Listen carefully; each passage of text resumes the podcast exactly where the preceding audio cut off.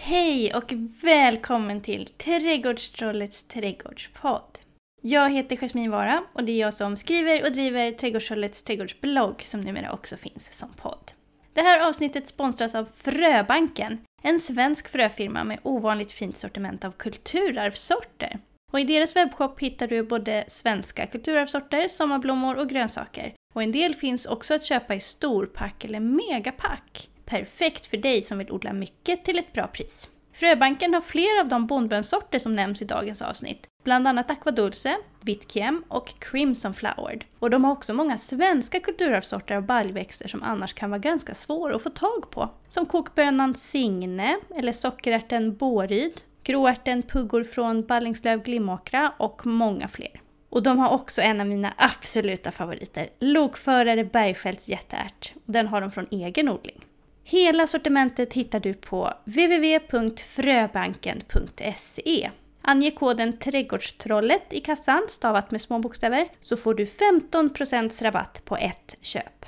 Rabattkoden gäller till och med augusti 2022. Tack Fröbanken för att ni sponsrar den här podden.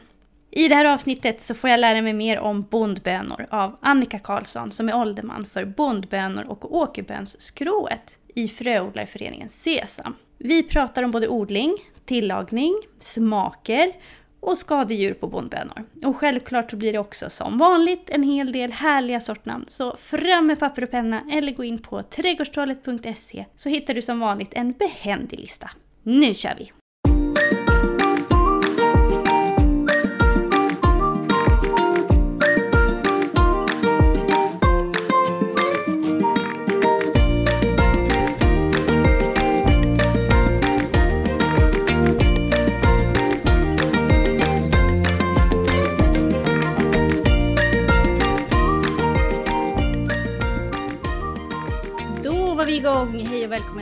Podden! Idag är det riktigt kallt ute faktiskt. Jag har tagit på mig mina varmaste raggsockor och laddat med största tekoppen. För idag så ska jag få lära mig mer om bondbönor. Och det ska jag få lära mig av dig Annika. Hej! Hej! Var befinner du dig någonstans? Och hur mår du denna kalla morgon? Ja, det är lite kallt här också, 17 grader i mitt rum. Men jag befinner mig på landet mellan Katrineholm och Flen, där vi Mhm. har en gammal arbetarbostad till gården här. Vad är det för zon ungefär? Växtzon? Det är zon 3. Mhm. I vanliga fall bor jag i Stockholm, men under coronan har vi bott här på landet. Mm. Ja, det, är- det är ju en annan livskvalitet i Mm, coronatider på landet. Det håller jag verkligen med om. Det finns ju ett skäl till att jag vill prata just med dig om bondbönor. För du är ju ålderman för bondbönsgrået i föreningen Sesam. Och vi är ju båda två medlemmar i Sesam. Men om man är ny på det här med fröodling och kanske inte har lyssnat på den här podden så länge. Vad är Sesam för något? Hur skulle du beskriva Sesam?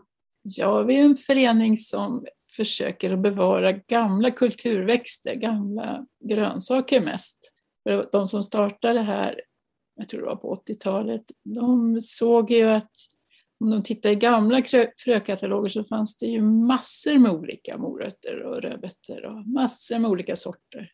Men i dagens frökataloger så har varje firma kanske två, tre stycken.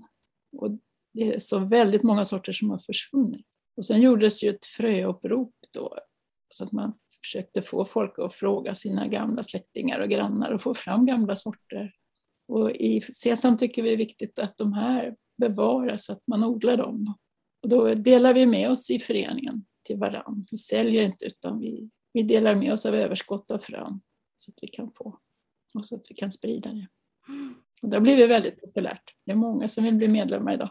Ja, och det är ju jätteroligt tycker jag. Och något som är en riktig så här höjdpunkt för mig som odlare, det är ju när årsboken kommer. Där man liksom får se då den här, alla de här listorna med alla de här sorterna som inte alltid är så lätt att få tag på. Det är som redan om julafton, när den kommer. Då åker Mm. stora rödpennan fram, ska jag säga dig. Då får den jobba hårt. Men vad gör en ålderman rent konkret då? Det finns ju flera skrån. Vad gör man som ålderman för ett skrå? Jag har en frys hemma i Kista där vi har kanske 140 olika sorters bondbönor. Oj. Och sen ser jag till att de här odlas upp så att, man inte, eh, så att de inte blir för gamla så de inte gror de håller länge i frysen, men se till att de hålls, hålls vid liv. Och sen också att de, ja, att de kommer att odlas i Sverige Mm. så många ställen som möjligt. Och då har jag ute i landet 10-15 personer som bor så långt bort så att det inte är någon risk att de här bondbönderna korsar sig. För dem. Man måste ha ett avstånd av minst 500 meter till en annan Mm. bondböna om de inte ska korsa sig. Och de får frön av mig och sen skickar de tillbaka lite drygt 100 frön som jag kan stoppa i frysen och bevara. Och sen hoppas jag att de också ska kunna lämna vidare frön i den här årsboken. Mycket administrativt jobb så. Och hålla reda på allt det här och skicka ut och välja vad man ska föröka och så. Hur många har du som hjälper ungefär? Hur många gesäller? Mm, Ja, det är 10-15 stycken Mm. i hela Sverige. Var, eh, för jag tänker så här att det är ganska olika på vad man har för odlingssäsong om man bor uppe i norra Sverige eller om man bor i södra Sverige. Har du, vad är liksom det nordligaste där gesällerna bor? Jag antar att de kanske inte Ja, är samma nordligaste sorter. gäll- ges- gesällen är ju i Västerbotten och sydligaste Mm. i Skåne. Ja. Så det finns överallt. Finns det några sorter som du tycker kanske passar extra bra om man har en väldigt kort säsong eller sådär? Ja, jag vet ju, det finns ju en tjej i Lappland som heter Anna-Jessica Eriksson. Och hon odlar, hon odlar en som heter Lappland och lövånger som hon kan ta frön från. Och sen odlar hon andra som inte hinner bli mogna så att de får frön men som kan vara goda som Vitkim. Det, Mm. det är inte en sån här lantsort utan en mer kommersiell sort. Och sen vet jag att det finns sorter som är, funkar långt norrut som Västra Torsås och Conamore ska vara tidig också. Ja. Jag tycker det är så himla kul att du nämner just Ann-Jessica för hon har ju en jättetrevlig trädgårdsblogg som heter Forsnäs hemman. Mm. Och eh, jag brukar säga så här att jag eh, läser nästan alla trädgårdsbloggar som finns. Eh, men det är inte alla som jag njuter av att läsa så mycket. En del läser jag lite för att jag känner att jag borde liksom för att hålla koll på, på vad som händer och så. Men eh, hennes blogg Forsnäs hemman kan jag varmt rekommendera. Mm. Jag tycker det är lite tråkigt att det är så otroligt Skånefixerat eh, ofta i svensk trädgårdsmedia. Det är precis som att de tror att alla bor i zon 1 eller 2 fastän de allra flesta faktiskt inte gör det. Och då är hennes blogg en trevlig motpol till det. Men sen finns det ju också i, man, man kan ju välja sådana sorter som de odlar i Dalarna, det är ju också ganska Mm, kort säsong och där finns ju Agneta Magnusson. jajamensan. De, och där odlar de dalaböna och rönnis. Aha. Och dalaböna är, är väl den som hon tycker är godast kanske och roligast för en gammal sort. Vad tycker du är godast då? Har du några smakfavoriter som du liksom gärna återkommer till? Eller känner man egentligen någon skillnad på de här bondbönorna i smaken? Ja, det där är svårt tycker jag. För alla som gesäller kallas de som odlar åt mig då, ute i landet. Och de får en, ett papper som de ska fylla i om sin sort. Då står det ju om smak också. Och en del skriver ingenting där, men en del skriver ju att Men det är ingen som inte har skrivit god på den. Det, fin, ah, det finns ingen som inte är god tycker jag. Tror jag inte. Någon kanske har skrivit lite besk sådär. Då kan man ju ta bort skalet. Ja, just det. Ehm, för det är ju, aldrig du gör inte det? Nej, jag har aldrig gjort det. Nej, jag tycker inte det behövs. Har det att göra med när man skördar den också? Blir skalet liksom tjockare ju längre man väntar eller? De blir hårdare, de måste kokas längre om man väntar längre. Och, tar man dem väldigt tidigt så är de väldigt mjälla och goda. Mm. Det kan bero mycket på det vilken som är man tycker är godast. Vi har ofta provsmakning utav grönsaker då, när vi har gäster eller Kul. här. Ja, så då, Arne har vunnit flera gånger.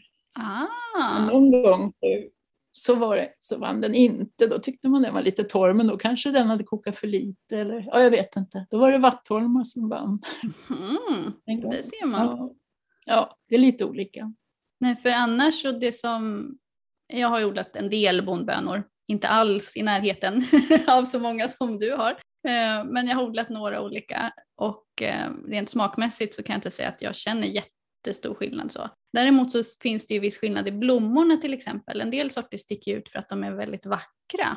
Eh, Den Mm. här Double Red till exempel eller eh, Red Epicure eller vad de nu heter. De har ju liksom mer rosa blommor Eh, och ibland när vi har råkat sätta dem lite för sent, då har vi nästan knipsat av dem och haft dem i bukett istället för att de har varit så himla fina. Mm. Finns det några sorter som du tycker är extra fina liksom, i blomman? Finns det ljusrosa bondbönor? Jag har bara sett mörkrosa, alltså blommorna.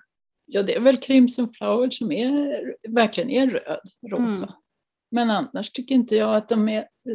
Nej, alltså Red Epicure är mera själva bönorna som är... Och det kanske är, det har du nog rätt i. Det är nog jag som blandar ihop dem. Ja, den är inte röd. Evert skulle ha rosa blommor, men den vi har, då har vi har fått den från Nordiska genbanken, men den var inte rosa blommor. Aha. Den var vita blommor. Och jag skulle hemskt gärna vilja ha en som heter Martok som har odlats jättelänge i England, en väldigt gammal sort. Och där finns det en vit, vitblommig och den har vi Mm. i sesam. Men det ska finnas en rödblommig också. Och jag trodde att den skulle bli odlad i år. Jag skickade den till en gesäll ute i landet. Men då hade den korsat sig, tyvärr. Åh, synd. Och det blev inte rosa blommor heller. Var jättesynd. Åh. Så om det är någon som har den så skulle jag jättegärna vilja ha den. För den går inte att köpa heller från England. Ah. Finns inte. Det är ju jättebra. Om det är någon, som sitter, som, någon där ute som lyssnar på podden nu och sitter på några sådana där rosa Ja, blommande martak, hör över till mig så ska jag lova Ja. att vidarebefordra dem till Annika i sådana fall. Och de har så jättefina bönor. Mm. Lila, små lila, de är jättesöta bönor. Annars har jag inte hittat så många som är rosa eller som har färg. Nej, alltså, man brukar ju säga Crimson Flower och Double Red, men en del menar ju på att det är en och samma sort. Jag vet inte, jag ser ingen Ja, större skillnad på dem, så att Ja, det är inte alls omöjligt. ja. Hur är det med eh, andra baljväxter, typ ärtor och sådär? Kan bondbönor korspollinera sig med dem? Nej, det är en helt annan art. Både, både trädgårdsbönor och ärtor är helt annan art. Så det är Mm. bara bondbönor och åkerbönor. Då. Mm. Och det är samma art. Så de kan korsas och då ska man hålla ett långt avstånd. Och där missade Sesam lite från början och det är flera som har gjort det. För de är självpollinerade egentligen. Så de klarar sig utan att ha en annan som de pollineras av, en annan växt. Men de, de pollineras av insekter och det blir korsbefruktningar. Och då, då får man inte samma art om man har flera sorter bredvid varandra. Samma sort menar jag. Nej, och jag funderade ju förut på då om man skulle prova på att liksom täcka med nät eller fiberduk eller något om man liksom ville odla flera sorter lite mer i närheten. Men då blev jag så nojig över det här med insekterna så jag struntade i det faktiskt. Jag tänkte då kanske det blir pollinerat och kanske inte får någonting alls. Det hade ju varit väldigt snopet. Ja, det, är en, i en medlem i Sesam, Thomas Levander, han provade att odla så. Det blev väldigt mycket sämre skörd. Mm. Men det ska gå att göra det. Men det är svårt, alltså insekter. Vi, vi har ju täckt med kolnät för att inte få in kolfjärilar och, och sen när vi, vi kom hem efter en vecka så var det ju massor med kolfjärilar under Ja. nätet. Det är- jättesvårt. Ja, men det är ju svårt. Och även om det liksom sitter tätt, någon gång måste man ju öppna för att vattna. Alltså det är inte helt enkelt det där faktiskt. Nej, det är inte enkelt. Men eh, om jag nu är en, eh, en glad hobbyodlare som sitter och lyssnar på det här avsnittet och gärna vill prova på att fröodla mina egna bondbönor, vad ska jag tänka på då? Ja, alltså bondbönor är jättelätt att odla. Jag har aldrig misslyckats med bondbönor. Det är bra för nybörjare. Ja, det är en bra ny, åtminstone om man har lerjord som vi har. Vi har ju jättetung lerjord. Fast vi, har täck, vi täckodlar ju. Vi har täckodlat i över 40 år. Så det blir ju bra jord. Vi har aldrig gödslat heller och vi har aldrig... Man behöver absolut inte odla i växthus eller i något sånt, utan friland bara. Mm.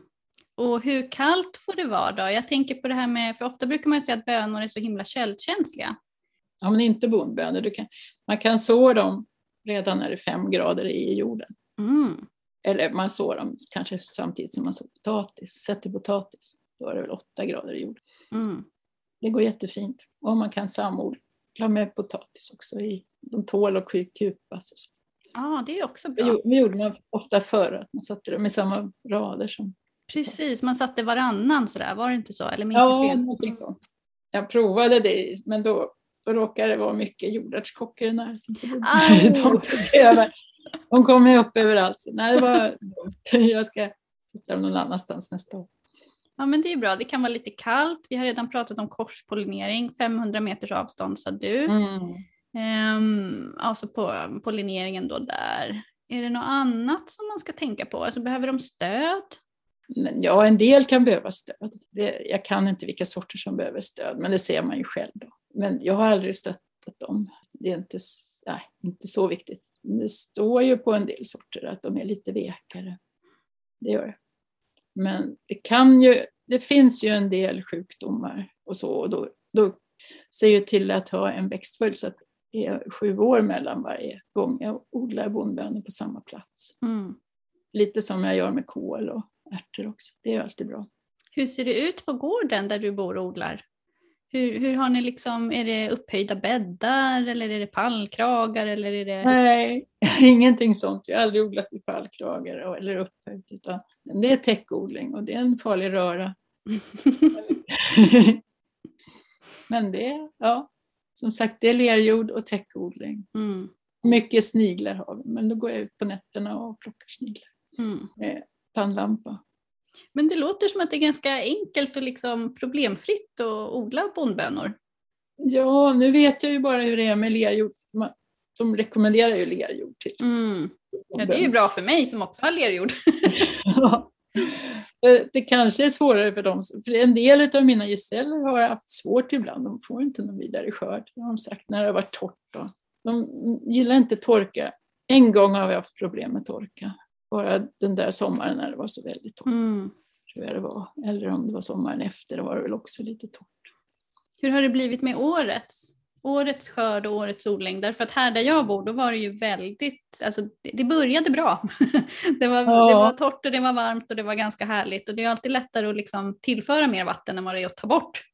Um, mm. Men sen då lagom tills dess att tomaterna skulle börja mogna, då var det ju blött och kallt. Så att man mm. hade ju mm-hmm. kanske gärna velat ha det tvärtom. Hur har det varit för, jag odlar ju som fyra då, men hur har det varit för er?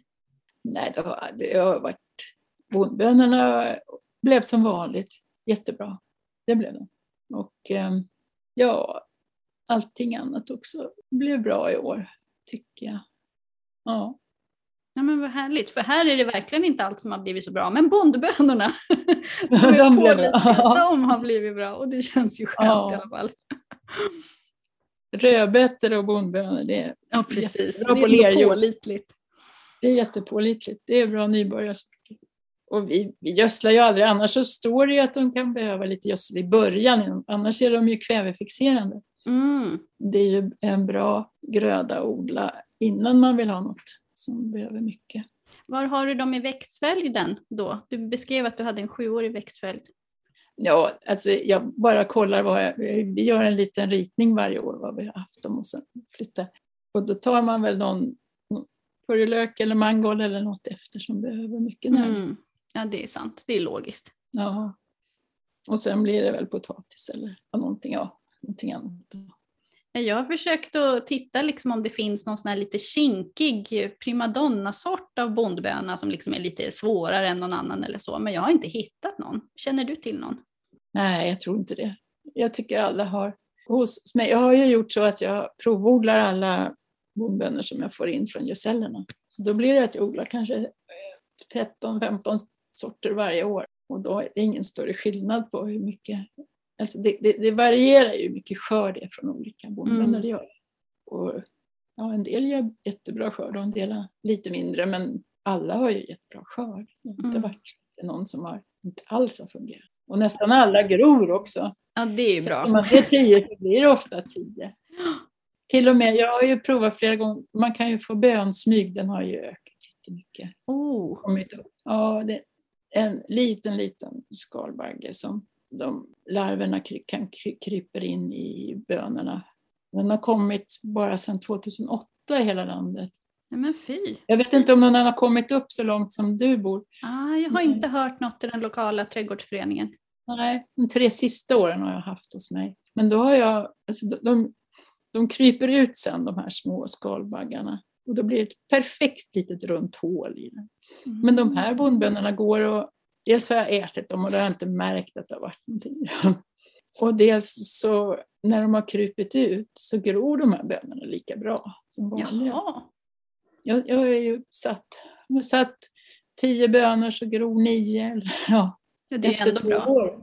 Ja, det är lika bra som alla andra. Mm. Och skörden blev nästan bättre av dem. Det var en blandning av bönor med hål i som jag satte som en rad i år. Då. Det var lika bra skörd eller bättre än de andra. Så det var ingen skillnad. Ja, men det är ju skönt att veta. Man kan leva med det ändå tycker jag. Ja. Finns det några andra sjukdomar som är värre som man ska passa sig för?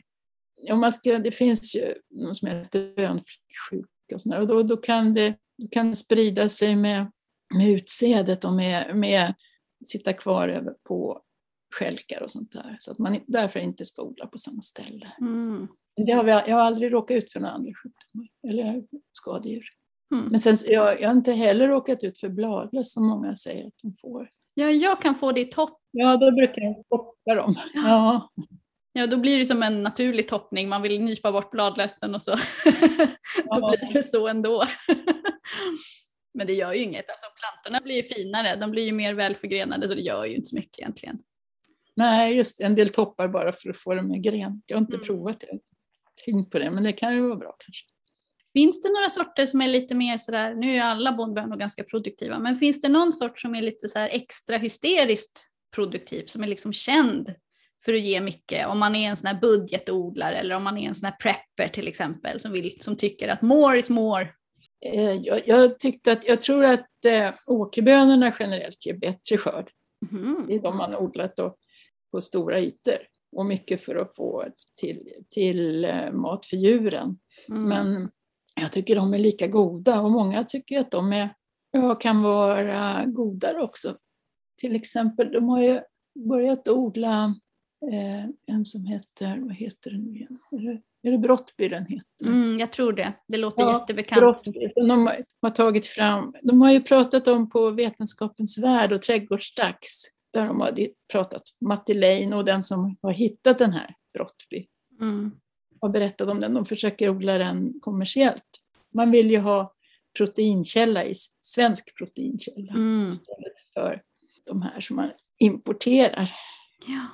Och det är ju jättebra. Och den är ju en åkerböna som, är, Ah. som skulle vara inte alls... De, de säger att man inte behöver skala. Många vill ju skala bondbönorna. Men det skulle man inte behöva göra. Och det är likadant med dalabönan som Agneta Magnusson odlar i Dalarna. Det är också en sån där mindre sort, lite mer åkerbönliknande. Mm. Hon tycker är, är mjäll och god och inte behöver skalas. Om man ska tillaga bondbönor där, då man ska koka dem för att bli av med lektinet. Hur länge ska man koka dem ungefär tycker du? Jag brukar koka mina väldigt kort, men jag vet inte. Alltså vi har aldrig blivit sjuka, men Nej, jag tror att det där är lite överdrivet. Eh, Matti Leino som pratar om Brottby då, där, där säger han att han äter dem färska. Man kan äta dem färska också. det är värre med vanliga trädgårdsbönor att mm. är sjuka av dem. Och sen finns det ju i världen folk som inte tål bondbönor överhuvudtaget. Något som heter Mhm. favis. Ja, okej. 200 miljoner säger de. men gud. Män mest som inte tål bondbönor Jag alls. hade ingen aning om det faktiskt. Ja. ja, det är väl en sån där att de skulle vara så giftiga men de flesta reagerar inte alls. Så. Men jag, man kokar ju tills de blir mjäll, ja, tills de blir goda. Ja, och sen tänker jag också att det är lättare att skala dem om man kokar dem kanske. Eh, om man nu vill skala dem. Alltså, då är det ju lättare att få av skalet om man kokar och kyler och ploppar ut dem, liksom, om man nu vill göra så. Ja, jo det kan man göra. Fem, tio minuter kanske. Mm. Nej, gud, jag kokar nog inte ens så länge. Och vi har inte dött än. Att... Nej, nej, nej, det är ingen fara alls. Nej, ingen fara. Nej. Vad är annars den största skillnaden, tror du, mellan moderna bondbönsorter och gamla sorter, sådana här kulturarvssorter? Generellt när det gäller kulturarvssorter så är det ju att de, de har ju folk odlat år efter år och de fungerar ju på den platsen och med den jorden som man har. Och sen har de ofta varit, de, de nya sorterna som man har, har fått fram, det är ju ofta för att de ska fungera kommersiellt, de ska bli mogna samtidigt och de ska, ha, de ska hålla länge och sådär. Nu är inte det där så himla, det är inte samma som tomater. Nej, Där de verkligen har odlat fram för att de ska ha hållbara ja, och mogna samtidigt. Men bondbönor, ja, jag vet inte om skillnaderna där är så stora, men det är ju framför allt att man har en lokal sort som passar. Den mm. passar i jorden, den passar. Man, och hitta den sorten som passar dig helt enkelt. Jag blev jätteglad när jag fick tag på Vattholma. För det är ju Ja. inte så jättelångt ifrån där jag bor. Ehm, Sen är det ju precis som du säger, bondbönor är ju ganska lättodlade och det är inte så att jag fått dålig skörd på de andra men Nej. det var ändå väldigt kul att man liksom fick tag på en sort som, som man visste redan på förhand att det här är liksom ett säkert kort på något vis. Ja, jag tycker verkligen man ska titta efter de här lokalsorterna. Mm. Och då, nu är det ju den svårt att få tag i den här boken Klint, Karins kålrot och Mor Kristins böna. För där står ju beskrivning av flera bondbönor. Ja. Och var de är odlade och med en liten historia. Och då är det speciellt roligt när det finns en historia Mm. om en bondböna. Ja, roligt att odla den sorten som finns från sitt eget landskap. Ja men verkligen. Jag kan ju säga att den boken finns ju också på bibliotek, även om det kanske kan vara svårt att köpa. Så, Mm. Och jag har haft delvis den som underlag när jag skrev den här sortguide bondbönor på trädgårdsskörd.se. Då är det delvis den jag haft som liksom, informationsunderlag. Jag har ju en triljard hemsidor och olika fröfilmorskataloger och sådär som jag, som jag stoppar information från. Men just det här som du säger med historien är roligt, just att ha själva boken, därför att jag brukar ju inte vilja lägga ut namn på privatpersoner i bloggen. Och om man vill ha Mm. just den där historien med namnen på privatpersonerna som har odlat, då är det boken man ska läsa faktiskt. Mm. Så den tycker jag verkligen. Något som jag själv funderar lite på är, alltså jag fröodlade ju den här, jag fick i uppgift av Olle eh, att eh, fröodla gubbestad, Mm. bondbönan. Och eh, innan så har jag ju då odlat den här eh, Leidse-hangers, som ju kanske är då mer en, en, en mer kommersiell sort i alla fall än vad gubbestad är. Mm. Och eh, överhuvudtaget, vi pratade ju lite innan nu innan vi började spela in, att jag tycker att det är ganska svårt att, eh, alltså vissa grödor är ganska lika. Tomater till exempel är ett väldigt tacksamt exempel, därför att de kan ju vara så jätteolika. Det finns pyttesmå plantor, det finns jättestora plantor och det finns pyttesmå Mm. frukter och det finns jättestora frukter. Alla möjliga färger och så vidare och så vidare. Det är lite svårare med andra grönsaker ibland, därför att som till exempel bondbönor, de flesta bondbönor är ungefär lika långa. De flesta bondbönor ser ungefär likadana Mm. ut när man tittar på dem. Mm. Det är inte så lätt att liksom hitta skillnader och då blir det nästan ännu roligare att ta fram det här stora förstoringsglaset och verkligen försöka hitta de skillnader som finns. Och när jag jämförde då den här lite mer kommersiella Leitze-hangers med till exempel då Gubbestad som ju är en kulturarvsort, då upptäckte jag att Gubbestad har ju liksom mer, vad ska man säga, bönorna sitter tätt. De är liksom väldigt, eh, rent logistiskt sitter de ju väldigt så här, tätt och fint i baljan där, medan Leitze-hangers har ju förvisso större baljer, men då sitter de ju lite mer, det är lite avstånd mellan. Den är liksom inte lika smart förpackad eller vad man ska säga. Och det är väl en sak som man kanske kan fundera på. Färgen på bönorna kan ju skilja sig åt. Den kan ju också växla beroende på om det är torkat eller färskt såklart. Färgen på blommorna kan skilja sig åt. Men om man liksom ska, alltså det finns ju inga F1-hybrider till exempel på bondbönor. I alla fall inte som jag någonsin har sett. Har du sett det? Nej. Nej, jag har inte sett någon. Jag tror inte att det har behövts på samma sätt som Mm. eftersom de, ja, de är ju hållbara och de är, ja, det är inte på samma sätt som med tomater och andra. Nej, de är redan så Nej. bra. Man behöver liksom inte. De nej, det fun- behövs inte som sagt. Mm. If it ain't broke, don't fix it brukar man ju säga. Så att, ja. Nej, är bra är. Men det finns ju några, det finns ju några som är lite fina. Eh, Utom, det finns en som heter Mikko, en liten åkerböna som har så Mm. jättesöta svarta små bönor. Väldigt fina. Och en annan sån eh, åkerböna som heter Thalia som har lite fyrkantiga bönor. De är ju lite roliga. sådär. ja, men ja, de sticker Ja. ut. Och sen sådana som är väldigt gröna, det är ju lite roligt. Ja. För nu klumpar ju vi ihop bondbönor och åkerbönor lite grann och eh, Ja. de flyter ihop lite. Alltså, om man ska försöka, alltså, om jag har förstått det rätt så är åkerbönor typ samma sak men de är lite rundare i formen, stämmer det? ja, just det. De är lite mindre och lite rundare och lite lägre planter Mm. och har då odlats på stora åkrar. Men det är samma art, så det är Mm. ingen skillnad. på. Mm. Vad är det som gör en bra bondbönsort till en bra bondbönsort tycker du då? Vad, är det, vilka egenskaper vill man liksom väldigt gärna ha hos en bondböna eller åkerböna? Ja, det är väl att den ger bra skörd och att den är god och sådär.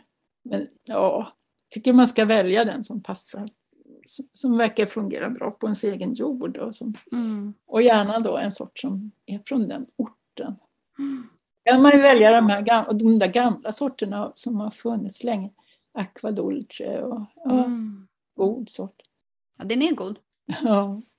Jag, kan, jag kan ju se vilka som mina gesäller har sagt var jättegoda. Ja, Och speciellt har kommenterat det. ja men ja. En som heter Bianca som de har kallat god och smörig. Det är väl en Mm. kommersiell sort. En Grebo, jättegod skrev de. Jättegod. Den är från. Västmanland. Ja. Kurt Jönsson, den är god och ger bra skörd. Det är lite roligt, roligt namn också. Metissa, den står som Melissa, den heter Metissa egentligen. Aha. Mjäll och fin och bra skörd. Så det är väl en mer kommersiell sort, eller i alla fall inte svensk, men ändå bra. Nylandsnisse från Västmanland, god, ska jag säga. Solberga, många som tycker den är jättegod och den säljs ju av vissa fröfirmor också. Mm. Men om man ska försöka beskriva liksom smaken på bondbönor för någon som aldrig har ätit bondbönor. Jag brukar försöka, alltså jag brukar ofta säga att de känns som så här gröna och matiga. Det är liksom, alltså vad ska man säga, stadig mat på något vis. Jag vet inte, hur skulle du beskriva? Ja, men ja, nu åt jag mina sista här. Alltså jag skördade några.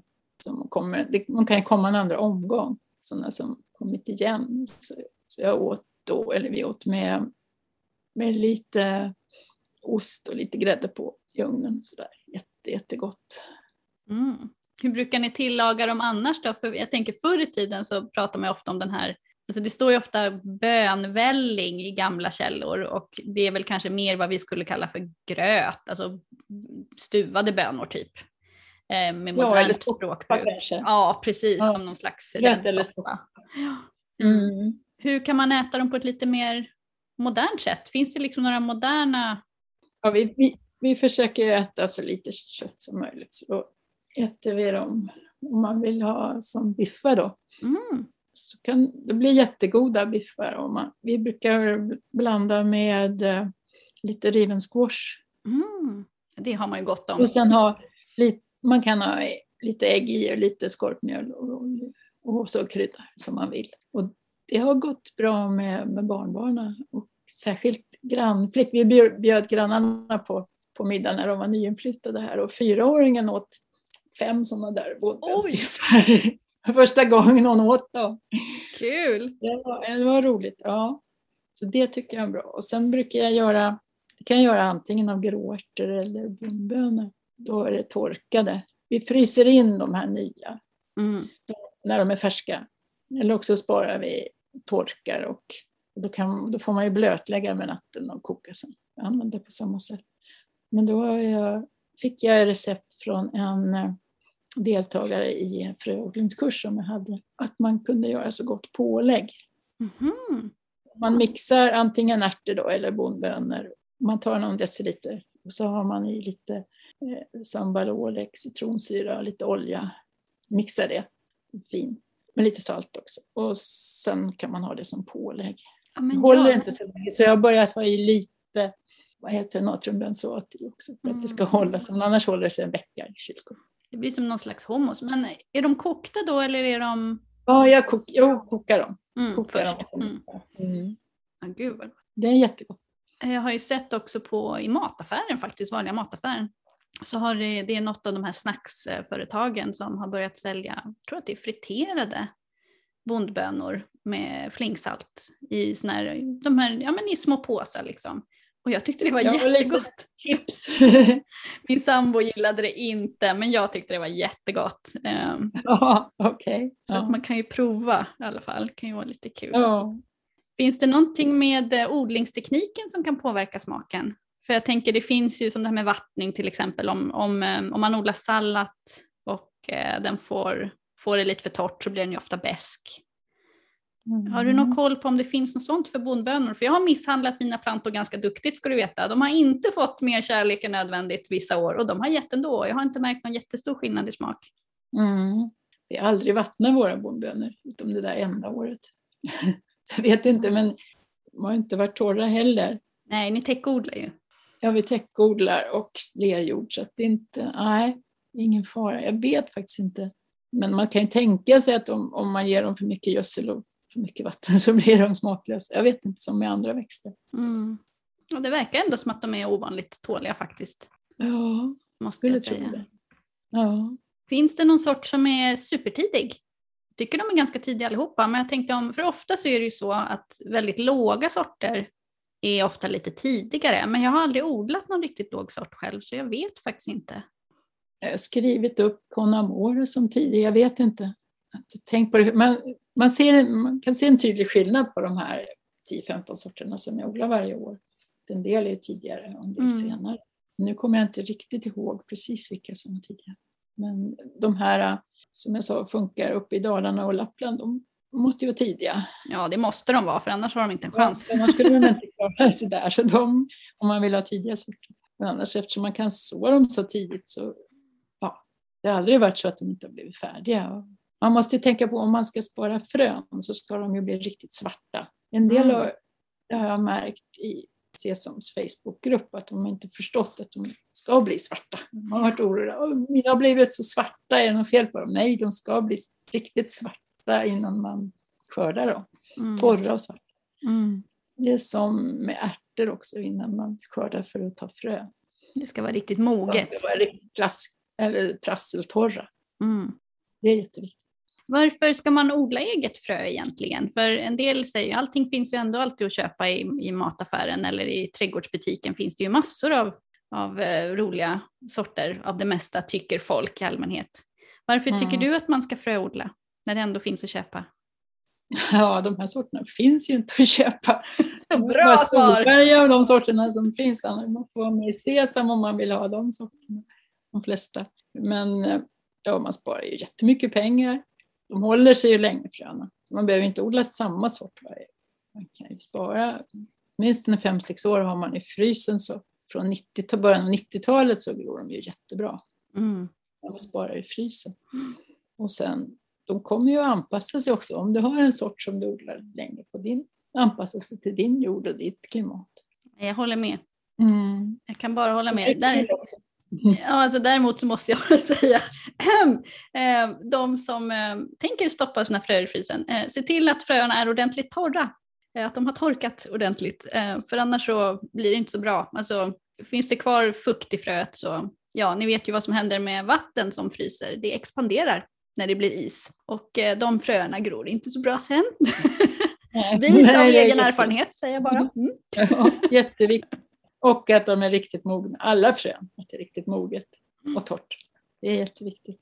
Men sen tänkte jag på det, på det här med, med bönsmygen. Ja. Man är lite rädd för de här små, att de ska sprida sig och sådär. Jag brukar lägga dem i en, då måste de vara torra om jag lägger dem i en glasburk, annars i något annat som är tätt och ändå släpper in, släpper ut fukten. Och sen, sen dör de i den där, eller också när de kryper ut så häller jag ut dem ibland och dödar de där små krypen som har kommit ut. När, efter november, om jag tar in dem i september, de här fröna, de brukar ofta vara mogna då. Sen har det inte kommit ut några fler. Mm. Om man då är rädd för att äta sådana så kan man ju lugnt äta dem efter november och även så dem. Då. ja, det var ju smart. Ja, man behöver inte vara rädd för att det är ett hål på dem. Nej. Då är, ju, då är djuret borta. Ja. Och det finns inga fler. Har de inte kommit ut sen, då är de borta. Jag har haft dem i samma burk sedan två år och det har inte kommit ut några fler. Mm. Ja men det är ju bra att veta ifall man inte vill ha Mm. små skalbaggar i munnen. Om de nu börjar spridas över hela landet. Så. Ja fy usch, det finns så mycket annat som sprider sig. Jag tänker på, på eh, ja, men, spanska skogssnigeln, mördarsnigeln. Och eh, nu den här Suzuki-flugan är ju något som alla går runt och tittar efter nu också. Så att, alltså, det finns ju annat. Det finns mycket annat man kan oroa sig över. Då behöver man inte oroa sig över den. Eller? Nej. Det är ju skönt. Men om jag vill serieodla då? Brukar man serieodla bondbönor? Om man liksom vill sprida ut och ha så, så lång skördesäsong som möjligt. När, när är det liksom för sent att så bondbönor? Jag tror att de här, de här som jag har skördat nu, de kanske, ja jag vet det var nog från samma planta. Om man skär, skär ner dem så kan det ju komma nya. Det var nog så. Ah, Men smart. annars kan man, kan man nog så ganska sent också. Ja, det är ju smart att skära ner för då behöver man inte ens så om. Då är det bara att låta samma planta stå kvar. Det är ju jätte, Ja, jättebra sätt att spara ja, utsäde just på. när man har skördat de här gröna fina som fanns då så kommer det tillbaka lite. Ja. Men man kan väl som, jag har inte provat och jag har alltid sått mina i typ april eller början, början av maj. Mm. Har du haft någon sån här katastrofsommar någon gång när det inte har blivit någonting? Ja, när grävlingen tog dem. Åh nej! Den är svårare att gardera sig mot. Två Åh. somrar tog grävlingen dem. Sen, har vi satt, sen satte vi kompostnät runt bondbönorna några år och nu har vi satt ett sånt här litet elstängsel. Grävlingen har varit, ja, den åt varenda böna ska jag säga. Ja men gud, det var en... provsmaka. Vi hittade kanske tre av varje sort som vi kunde provsmaka efteråt, för vi skulle ju provsmaka dem. Åh, Ja, det var tråkigt. Men det var de enda gångerna som de misslyckats. men grävling. gud. Och så är det kulturarvssorter också som kanske inte är så lätt att få tag på. Åh. Men hur får du tag på de sorterna som du får tag på? För ni har ju en, måste jag säga, en imponerande samling av, av fina bondbönor i Mm. skråkistan. Hur, hur, har de, hur har ni fått tag på dem egentligen? Är det medlemmar som skickar till dig eller? Ja, dels är det ju så. Och dels så har jag de som vi inte har haft i, själva i Sesam. Då har jag, för Sesam kan vi få gratis då från eh, Nordiska genbanken. Mm, ja, det är bra. Ja, då har jag sett till att få därifrån och kunna odla dem. Men det finns en sort som Nordiska jordbank, nej, eller genbanken inte har som finns med i den här Klint-Karins kålrotenboken. Mhm. Eh, det är högtomt. Så om det är någon som har högtomt så skulle jag jättegärna vilja ha den. Ja men det är bra, det är bara att mejla mig i sådana fall. Eh, Så vidarebefordrar jag till, till Annika. Och gärna om, om det är någon som frågar gamla mormor och grannar om de har några gamla sorter så kan de höra av sig till Nordien eller till mig. Det är ju jätteroligt att få fram det. De hade hittat en ny sort i, i Roslagen nu som heter ja, Roslagsbro. Heter den. Jaha, vad kul! Ja, Så det dyker upp fortfarande? Det dyker upp fortfarande. Jag fick en som heter Kalle P från någon och någon som heter Udden från Östergötland när folk har odlat. Mm. Det är lite roliga sorter. Nej, men det är jättekul, för det, alltså det finns ju många fröfirmor som har liksom bönor och bondbönor och sådär i sitt sortiment, men det är ju verkligen inte alla som har kulturarvssorter. Nej, Fröbanken väldigt- har ju det, alltså fröbanken.se. Känner du till någon annan som du tycker har? ja, de som har, det är ju... Eh, Runebergs- hade ju. Vad hette de? Brunobergs? Ja. Runebergs Impecta brukar jag bra och så har det kommit en ny som heter Nordfrö Mm. också. Sen vet inte jag riktigt, det är väl de. Jag kan säga att om man beställer från Nordien så får man ju förtvivlat lite. Alltså det, det är ju små portioner. Så att man är, Ja, är små så att man är beredd på det. Och då får man ha Ja. det kanske för att liksom bara fröodla första Mm. åren för Ja, att få just upp någonting från Nordien så att man vet om det. Beställer man därifrån tycker jag nog nästan man ska odla upp det och ta frön. Mm. Odla med vördnad. Ja, just man äta sen om några år. Ja.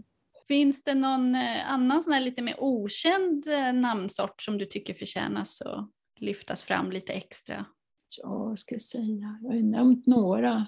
Eh, Eller om det finns någon superstar, alltså jag tänker på ärtor till exempel, då har ju den här lokförare Bergfeldts jätteärt har ju liksom blivit Ja, det- enormt hypad. Det är ju liksom det närmsta en, en rockstjärna man kommer i, i ärtbranschen. Finns det någon rockstjärna bland bondbönorna som liksom folk ofta... Jag tror att det är, det är Arne kanske som de flesta odlar. Men det finns ju många andra som är lika bra. Mm.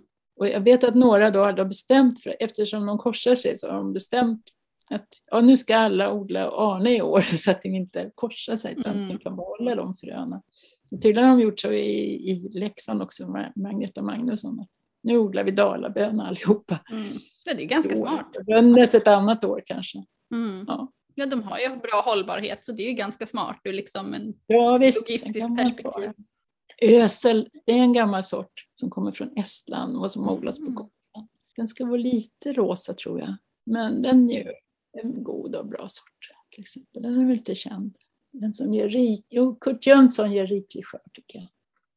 Alltså jag, jag sitter här och ler, jag tycker de här namnen är så fantastiska. Ja, det, är, det är roligt med de här namnen på personer. Den här som heter Brottby, den som de tänker försöka odla kommersiellt då, och håller på att forska på i, i Uppland. Den har ju hetat Anders i Kullängen och Gärd också. Jaha. Ja, det är samma sort har man kommit fram till. Ah, finns det några fler sådana där på rak arm som du vet egentligen är samma sort? För det är ju alltid ett problem när man skriver sortguider att man blir ganska förvirrad. Jag brukar gå in och, och titta eh, och, och, slå liksom i skudd, alltså eh, ja. Svenska kulturväxters databas och där står det ju ibland vilka sorter som är en och samma eller synonymnamn liksom, men det är verkligen inte allt som står där. Jag tror att det var en sort till som var så, men nu kommer jag inte ihåg vilken det var. Nej, men klura lite. Du kan ju alltid ja. mejla mig sen om du kommer på det. Ja, så det var en som talat om att det var samma egentligen. Men de skulle få fortfarande behålla sina gamla namn. Mm. Ja men så länge så att man vet om det för det blir ju så töntigt annars om man nu ska hålla på och fröodla och greja så odlar man två sorter bredvid varandra under nät kanske helt i onödan för att det, man tror att det är två olika men det är egentligen samma. Ja, sen var det en lite fånig sak, Södergården, mm. småländsk sort. Den den får inte längre heta Södergården för det blev en konflikt med Lidl. Oh, men som har någon sort som heter Södergården. Så nu ska den heta Osnaköp Södergården. Fånigt. Ja, alltså, ja, alltså vad ska ja. jag säga? Det är alltså, ja. Där har vi de, de kommersiella intressena. Ju, ja. ställer ju till det ibland alltså. Så är det ju verkligen. Det är väl tre sorter som kanske är tidigast som odlas i Småland. Småländska höglandet är ju ganska mm. kallt. Ja, gud ja. Västra Torsås, Horshult och Södergården, småländska sorter. Mm. Och jag känner att jag eh, måste nog uppdatera min sortguide efter att jag pratat med dig. Men det är härligt. Alltså, den, jag brukar säga så här att den, alltså jag älskar att få känna mig som en nybörjare. Eh, för då lär jag mig någonting nytt. Jag har ju jobbat med sånt här ja, nästan 12 år. Men det finns mm. alltid någonting nytt att lära sig. Alltid. Mm. Så tack snälla du för att du har lärt mig så himla mycket. En sak till. Ja, när jag kom på bara att jag såg att eh, Anna-Jessica, hon hade odlat en sort som heter Nekrasov. Nej. Som gick tydligen uppe i Lappland och var det någon rödbruna blommor också. Ja, jag tänkte säga, var inte den som var lite så speciell, speciell? För jag vet att när jag... Väldigt, den lät ju jättespännande, den har vi inte sett. Nej, ja. den har ni inte sett. Är det någonting som... Alltså hur gör ni när ni gör själva urvalet till skråkistan i Sesam? Är det bara liksom, eller bara, det är inte bara, men är det bara tid och, och gesällbrist eller vad man ska säga som styr eller har ni några särskilda kriterier för vilka sorter som ni extra gärna tar in i skråkistan? Ja, i skråkistan har vi inga begränsningar, men det som jag skickar ut till gesellerna, det försöker jag göra med de här som är gamla plantsorterna, mm. första. Och, och kanske se till att de verkligen kommer ut också. Om de har fått en dålig skörd så att de bara kan skicka in till frökistan kanske jag ber att de göra en gång till, ett år till och, och kanske erbjuda medlemmarna. Mm. Så att den verkligen blir odlad. Ja, så att den bevaras helt enkelt, så att den finns ja, kvar. Bevaras. Mm. Ja, ska inte bara ligga i en frökista någonstans. Nej men precis, det ska ja. ju användas också. Mm. Och jag tyckte det var så himla kul för jag, ehm, eh, jag intervju, intervjuade ju Anna Liljemalm förut om frö. Mm. Eh, den här fröboken. Och då var ju du med i den faktiskt. Det tyckte jag var jättekul. Ja, det. Var här. det är också en bok som... ja. Det var frö på jakt efter framtidens mat som, som jag mm. gärna vill, vill lyfta. Tror du att vi kommer äta bondbönor i framtiden också? För det här är egentligen en gammal gröda som liksom fortfarande hänger kvar. Hänger den kvar på nåder eller tror du att den kommer bli supertrendig igen nu när vi ska börja äta mindre kött och hitta alternativa proteinkällor och så? Ja, jag tror den kommer att bli supertrendig. Jag tror att de här, vad heter det, de fina restaurangerna kommer att servera bondbönor och sen tror jag att vi kommer att ha jättemycket bondbönor istället mm. för att importera sojabönor och kikärtor och sånt. Absolut. Det vore kul att se någon riktig stjärnkock sätta tänderna i bondbönor tänker jag och verkligen liksom göra någon sån här signaturrätt typ till, ja inte vet jag, Nobelmiddagen eller något. Det skulle ju vara kul. Ja, verkligen. Ja. För att ge dem mm. den där mm. extra, extra skjutsen. Liksom. Mm. Annars så, vad heter han? Det är Paul Svensson. Han har ju gjort en del grejer med eh, bondbönor. Men jag tänker det är nog gråärtor som har haft lättast att liksom nå igenom det här marknadsföringsbruset. Mm, det vad, tror jag. Vad tror har du det? populärt. Ja, och varför tror du den, här- alltså gråärtor, varför tror du de har blivit mer poppis än bondbönor?